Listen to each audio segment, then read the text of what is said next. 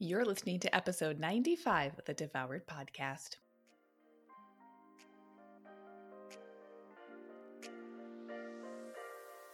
Welcome to Devoured, the podcast for women ready to release the title of Dieter for Good. I'm your host, Lucia Hawley, and I'm a certified nutritional therapy practitioner with my master's in social work, clinical mental health. I've lost 80 pounds and I'm on a mission to get you into the life of your dreams without being the woman who is consumed by diet after diet trying to get there. If you're wanting more in your life and are tired of wondering when or how to make that happen, then this is a podcast for you. You'll learn how to make the radical changes you've only dreamed of 100% possible for you today. I'm so happy you're here. The information provided within this podcast is intended as general education only and is not to be considered a substitute for professional medical advice, diagnosis, or treatment. Hey everyone, happy Thursday. I am technically recording on a Tuesday, but you'll be listening to this on a Thursday or whichever day you decide to pop this episode into your ears via those earbuds, AirPods, headphones, speakers. in the car, on the road, in a walk, on a boat? No, we're in quarantine. I don't know about that last one. Unless you're listening to this later on, perhaps you will be on a boat listening to this podcast. That'd be cool. All is well over here. Today, actually, the day that I'm recording, Tuesday before the Thursday that this releases, it's my birthday. I have a birthday in early May, and it has been such a lovely day already. It's only 9 a.m uh, but got up early. My boyfriend made us a delicious breakfast hash. He found some really beautiful lilacs around the neighborhood, and I woke up to come downstairs and see a couple vases of those, which I had been chatting with him over the last couple of weeks. We don't have a lilac tree or bush, so I was kind of saying offhandedly, not even thinking of it, just like, oh man, if there were to be any vases of flowers in our house, like, should we go should we go grab some in the night from a property where we think the person wouldn't mind? How bad is that? Is that bad? Regardless of wherever he got the lilacs from, the super early this morning, it was really fun walking downstairs and seeing them, smelling them, have some greenery inside the house. And then we took the dog for a walk and got outside. I really find I used to chat about this more in older episodes, um, but I really find that if I can get outside and now is the season where it is bright outside around 6 a.m. So super easy to get actual daylight on my eyeballs. but even through the winter, I really find that my day and how it unfolds is so radically different if I allow myself. And it's always, it's this little micro commitment. And those can be gosh darn like hard to show up to. So listen, there's no perfectionism over here. Like no rose colored glasses. But any days that I do allow myself to continue to show up to waking up early, having a nice leisurely morning, which is my go to anyway, but making time to get outside and get daylight right on my eyes, not through a window, being with my boyfriend and or just me and the dog, getting her out for a little walk. My days run so much not even more smoothly, but like more embodied when I have mornings like that. So it's just been such a lovely start to the day. And I get to have the honor of coaching quite a bit. Tuesdays are my coaching days. And uh, I love it. it. It fills me up. And I really find that it's just, every every week every day that i coach it is a total honor to be with those who i have the privilege of coaching. So that's where i'm at today. This episode if we flip the script a little bit this episode i wanted to at least touch on i'm not doing a deep dive i'm not nerding out this is not like science hour 101 by any stretch but i wanted to offer some thoughts on metabolism because as we are continuing into quarantine, I am continuing to see people who are getting very squirrely. The old habits are coming up hard. They've really resurfaced because of the chronic stress that many of us are under, even the stress that we don't think is stress. They're, like stress is a sneaky, sneaky thing.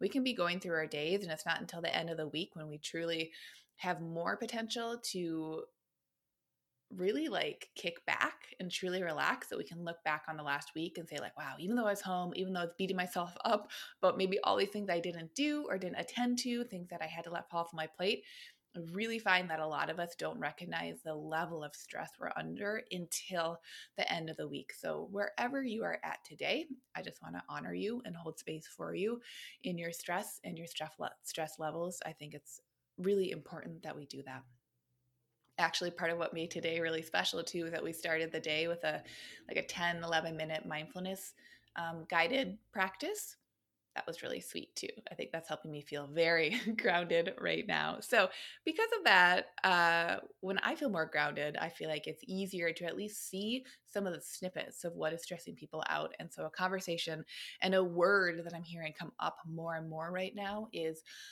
blah, blah, blah, like insert blank, my metabolism is blah blah blah. Like omg my metabolism is broken or like omg right now in quarantine i i knew it right? Like even if i've been working really hard even if i've been doing all the good things right? Like i have been working really hard to give myself a gold star to be a good kid to be losing the weight in a, a good way to be nourish myself in being a good human who does that I'm still not losing the weight. What the heck? It must be me. It must be my t- metabolism. What should I do next? So, if that is you, if you're feeling like you're doing all the right things, but your metabolism is just like, it's kind of acting like a brat, then I want you to listen to this episode because while we're not diving into the science of metabolism, I simply want you to understand that metabolism is more all encompassing than the way that we talk about it conventionally like the way that I heard about the metabolism growing up, the way that I was told, the stories that I was told to think about my metabolism is that my metabolism was in charge of me being fat or thin. And my metabolism, I had a bad one and people like my siblings or those who are naturally had more proclivity to be thinner because of a host of reasons should i add had good metabolisms. I had a bad one. It was a genetic predisposition thanks to a family member or two and there's those family members who were naturally thinner or more svelte it was their genetic disposition thanks to other family members that they had that body composition metabolism always was tied back to body composition it was always in this conversation that was just on the other side of calories in, calories out, uh, eat less, move more, right?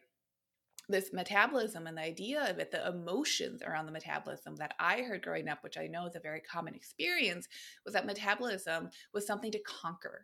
It was something that like wasn't working in my favor, let alone me having something like Hashimoto's, thyroiditis, so having an autoimmune attack on my thyroid, which is correlated. It, again, if I t- am talking about the stories that I heard about my metabolism, what I learned about my metabolism and my thyroid is that my thyroid had something to do with it. And that if I had a sluggish thyroid or a thyroid that was just acting kind of wonky, then that especially meant that my metabolism would be even more wonky. What a set of stories. Let me tell you, I've done a lot of work over the last decade plus of unpacking those stories.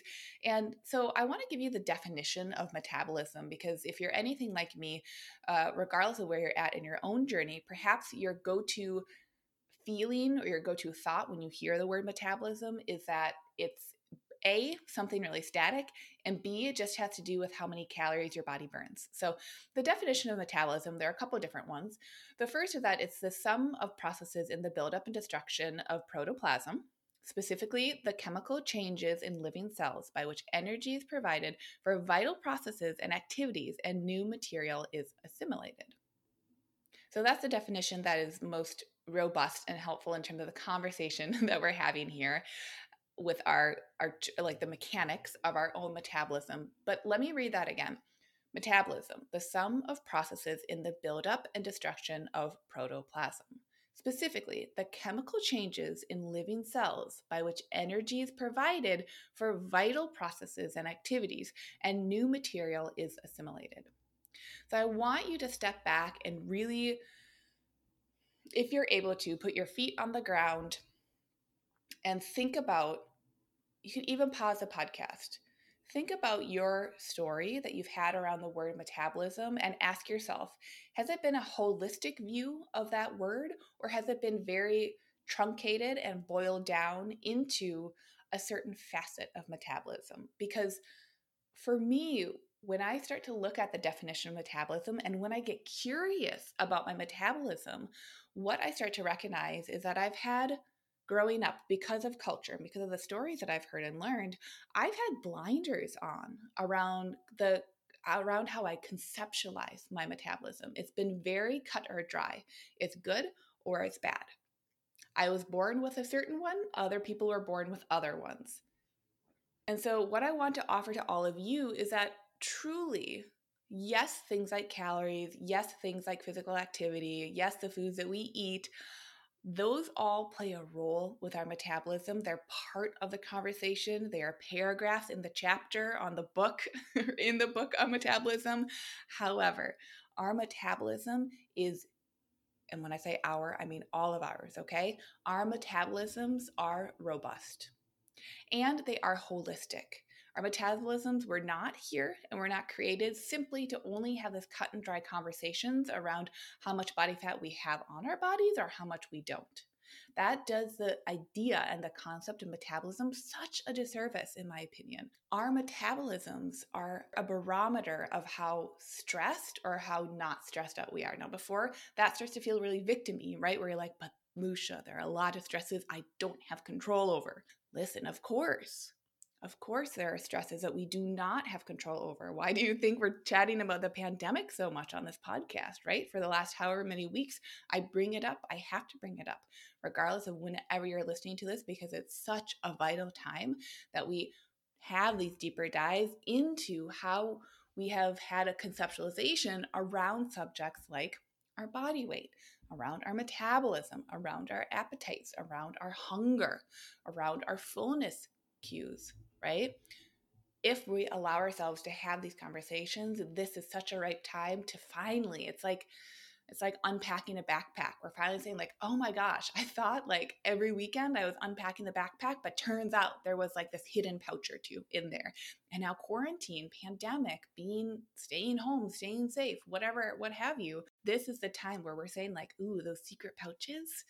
I didn't really want to clean them out because, like, oh, they're kind of gross. And man, they've been kicking around for a while. But shoot, there's no better time than the present. And so, with the metabolism, this ties so beautifully into our how we conceptualize stress and weight gain and weight loss um, in Lean and Liberated in the coaching program. So, with Lean and Liberated, one of the foundations that we work on is stress management. Not to be cutesy, about it, be like, oh, let me have this perfectly not stressful life. We're always going to have stress. But to really say, like, if I get real with myself, how do I think about my stress? And then also, how do I allow myself to plan ahead of time for how I'm going to support myself? Because listen, all the people who are listening to this podcast, we're all adults, right? We are in charge of our own physical health as well as mental health, as well as spiritual health.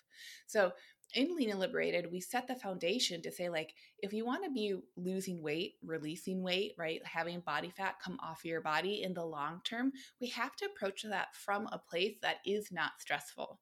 If we approach weight loss from a place that is stressful, which conventional diets do by really slashing calories quite dramatically or by extremely restricting the types of foods or the quantity of food that we're bringing in via different dietary protocols, what we're doing is that we are creating a short term stressor. So, in the short term, of course, our bodies are going to drop weight if we reduce calories. Of course, calories are a unit and a measurement of energy. So, if we're reducing the amount of energy that we are intaking via our food, our body is going to use its own energy stores like body fat and also potentially uh, muscle, which is not as big a deal, I think, for most people than what our society makes that out to be. Regardless, our body's going to use its own energy stores. But here's the thing when people opt for dieting that are dramatic diets, right?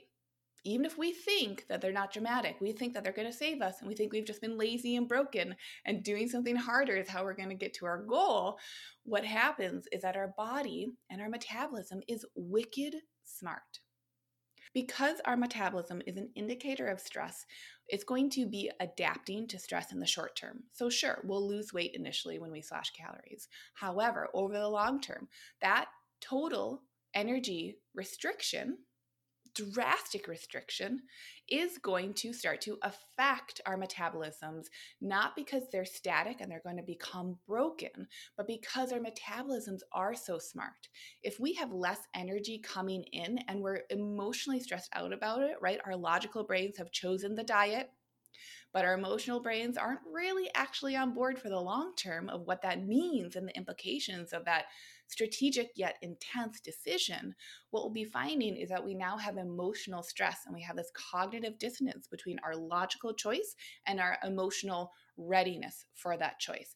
Meaning, let me put that in a different way, the diets work in the short term, but in the long term, of course, we binge. Of course, we come off the diets. Of course, we eat more because our metabolisms are literally signaling to the rest of our bodies, right? We, as much as we compartmentalize the different sections of our bodies, we are one whole human body our brain and our body and our soul, our spirit, they're all connected. Okay. So if we're consistently having such low food intake or we're consistently going ham on cardio and we're really, really in this burning phase, burning body fat, burning calories without having the flip side of a building phase, what we're going to find is that our metabolism will down regulate in order to meet us where we're at. Now, that's a radically different idea and visual that I, I hope you're all having is that our metabolism matches what we offer it. Okay. So, while we can all have our different reactions to stress, acute and chronic, that is what makes us individual. What I also want you to be understanding is that your metabolism has always been here to help you and support you. So, losing weight for life is a fine balance of not making drastic changes because guess what? Why practice the thing that you're not going to carry on for the rest of your life? Let's be smart about the choices, let's be efficient about the choices. Let's let them be boring so we're not dealing with a lack of motivation in the long term. We're not dealing with uh, starting to battle our old habits. We're allowing them to be boring so we're not battling decision fatigue every day. When we let this be how we start to create change in our body, what we're going to find is that we will lose body fat from a place that is parasympathetic. And that means it won't be losing body fat from our bodies feeling like, oh, shoot, if this keeps up, I got to downregulate soon. We'll instead lose weight from a place of our body saying, oh, I'm safe enough to continue to be burning this fat off. Now, caveat, that doesn't mean that burning body fat is not stressful. A lot of the times when we're starting, you know, in Lean and Liberated, I have women work towards a fasting routine that they create as part of their homework in the course. A lot of the times people are like, okay, I've, I've chosen this, right? Like this this fasting schedule, like in addition to what we do with the food and our nutrition in that program, this fasting schedule is what I've created. I can do this every single day. I'm not losing weight. What's happening? I'm wrong. It's bad. I knew it. I knew I had to go on a diet. that, those are a lot of thoughts, okay? So, what we do is that we start to get curious about saying, oh my gosh, what if we understand that there is a whole spectrum of what's occurring here? So, while we don't have to go on drastic diets that cut our caloric intake by thousands of calories while we're ramping up and going for walks and runs and spin classes and all the things, we get to flip the script and we get to say, aha, over the long term, if I'm able to truly investigate when I am full from my meals and when I'm able to fully understand if a food craving is coming from an emotion or if it's coming from a true bodily sensation, what you'll find is that there will be less gripping onto the idea that the fasting is how we're going to save our lives, right? The fasting is how this is just going to magically happen. No, the fasting is a tool. The fasting is a tool that shows us okay, if my body isn't always constantly 24 7, basically trying to be processing and digesting its food and intaking calories, will I feel from that holistic embodied place that I actually can see that this is how I'm going to be reducing the overall calories that I'm eating? Because, yes, that is a proxy of what's happening when we're fasting. If we're approaching it in the right way, we have a caloric drop, but it's not because we're starving ourselves, it's because we're allowing a break, right? Rest away from the constant, very American, very like North American thing of eating large portions all the time. When we reduce calories over the long term, not from a place of stress, but from a place of love And then as we add in structure to say, well, how am I moving my body? How am I managing my stress? This is truly the key that unlocks weight loss. And it's not the sexy answer. People want it to be calories in, calories out. They want it to be static. Well, what I do for the first two months is going to be different than the next two months and then the next two months. Like, I don't want that. Just tell me the one thing to do. That's not how our bodies work. Our metabolism is alive, it's not broken, it's not slow, it's not sluggish. Our metabolism is an indicator of our stress. So, if we can approach how we're bringing in workouts, how we're thinking about ourselves, how we're composing our plates, how we feel when we're hungry, how we feel when we're full, as these different inputs and outputs of a stress response, we're going to find a wildly different conversation than just saying, well, shoot, I better eat less because metabolism sucks. to all of you listening, your metabolism is what allows you to take energy, provide energy to yourself, and have all processes occurring in your body. It's how you assimilate new material coming in. So let's flip the script. If metabolism, if you if you hear that word and there's like kind of some gunk that comes around it energetically, right, from like a emotional standpoint, because the conversations have always been either lackluster or they've been centered around the fact that your metabolism is bad or is it's just it's this thing to be figured out and that it's not good. Let's flip the script this week. Let's say that your metabolism has always been your friend it's always been there. It's always been reacting to what you offer it. And so, if you would like to have a different relationship with your metabolism, it has always been ready for that. It's not a thing that has to happen tomorrow. It can happen today. And your metabolism is alive. And it's, it's both literally keeping you alive, but it's also working with you. So why not take your time to figure out your relationship to stress, how much you're sleeping, what foods you nourish yourself with, what your blood sugar regulation is like, how your digestion is telling you what's up. Why not look at all of those factors as baseline? Because they all come back to stress, whether it's physiological, psychological, or spiritual, all of these concepts, they all come back to stress. So, if our metabolism is an indicator of stress, let's take that and not care how other people process or manage stress right? Let's not just try and copy what other people do because that's us avoiding the work of understanding for me specifically what has my metabolism been screaming at me? And once I have that information, how would I personally like to flip the script and start to welcome and embody my relationship with my metabolism? So, if this conversation is sparking things inside of you, I want you to reach out, right? I always have links in the show notes, but you can always, especially find me on Instagram and just shoot me a DM, leave me a comment on a post. I don't even care which one, I'll see it. It's all good. leave me a comment and let me know what's up. How have you thought about your metabolism before? Have you ever had the opportunity to allow yourself to say, well, wait, what if my metabolism is radically here taking care of me? If that's how I can start to think about my metabolism, what doorways, what portals, right? Like what windows am I opening up to allow new thoughts and new energy to come in in my quest to be losing weight?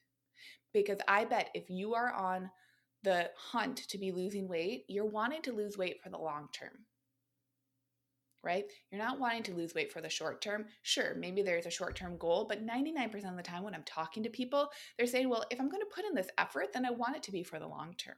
So remember that the work of this, of losing weight, if weight is a struggle for you, if you feel emotionally like it's a big struggle or like your body's doing one thing and your brain's doing another thing, the work is to start to bridge the conversation between your brain and your body. And also, I would posit to say and be so bold as to say also your spirit as well, your soul. If we can bridge those three, that's the radical change that we can have where we feel more fully embodied.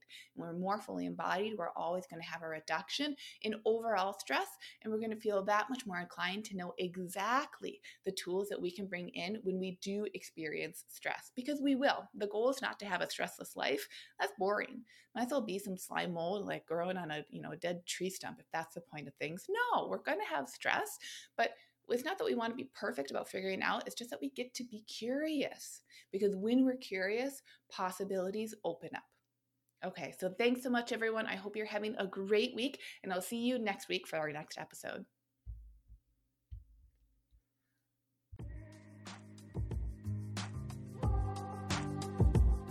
Okay, everyone, that's all for this week. Thank you for listening to this full podcast episode. If you want more of this information every day instead of just one podcast episode each week, consider coming over to Instagram to hang out with me. I'm Lucia Hawley underscore over there. That's L U C I A H A W L E Y underscore. And one more thing before this episode ends please consider leaving a review of Devoured on iTunes so we can keep spreading the word. And together we can offer this free education, empowerment, and liberatory nutrition principles that will change more lives. If you're someone who likes to empower other people, then please consider sharing this podcast with friends and family. And by leaving a review, it makes a world of difference.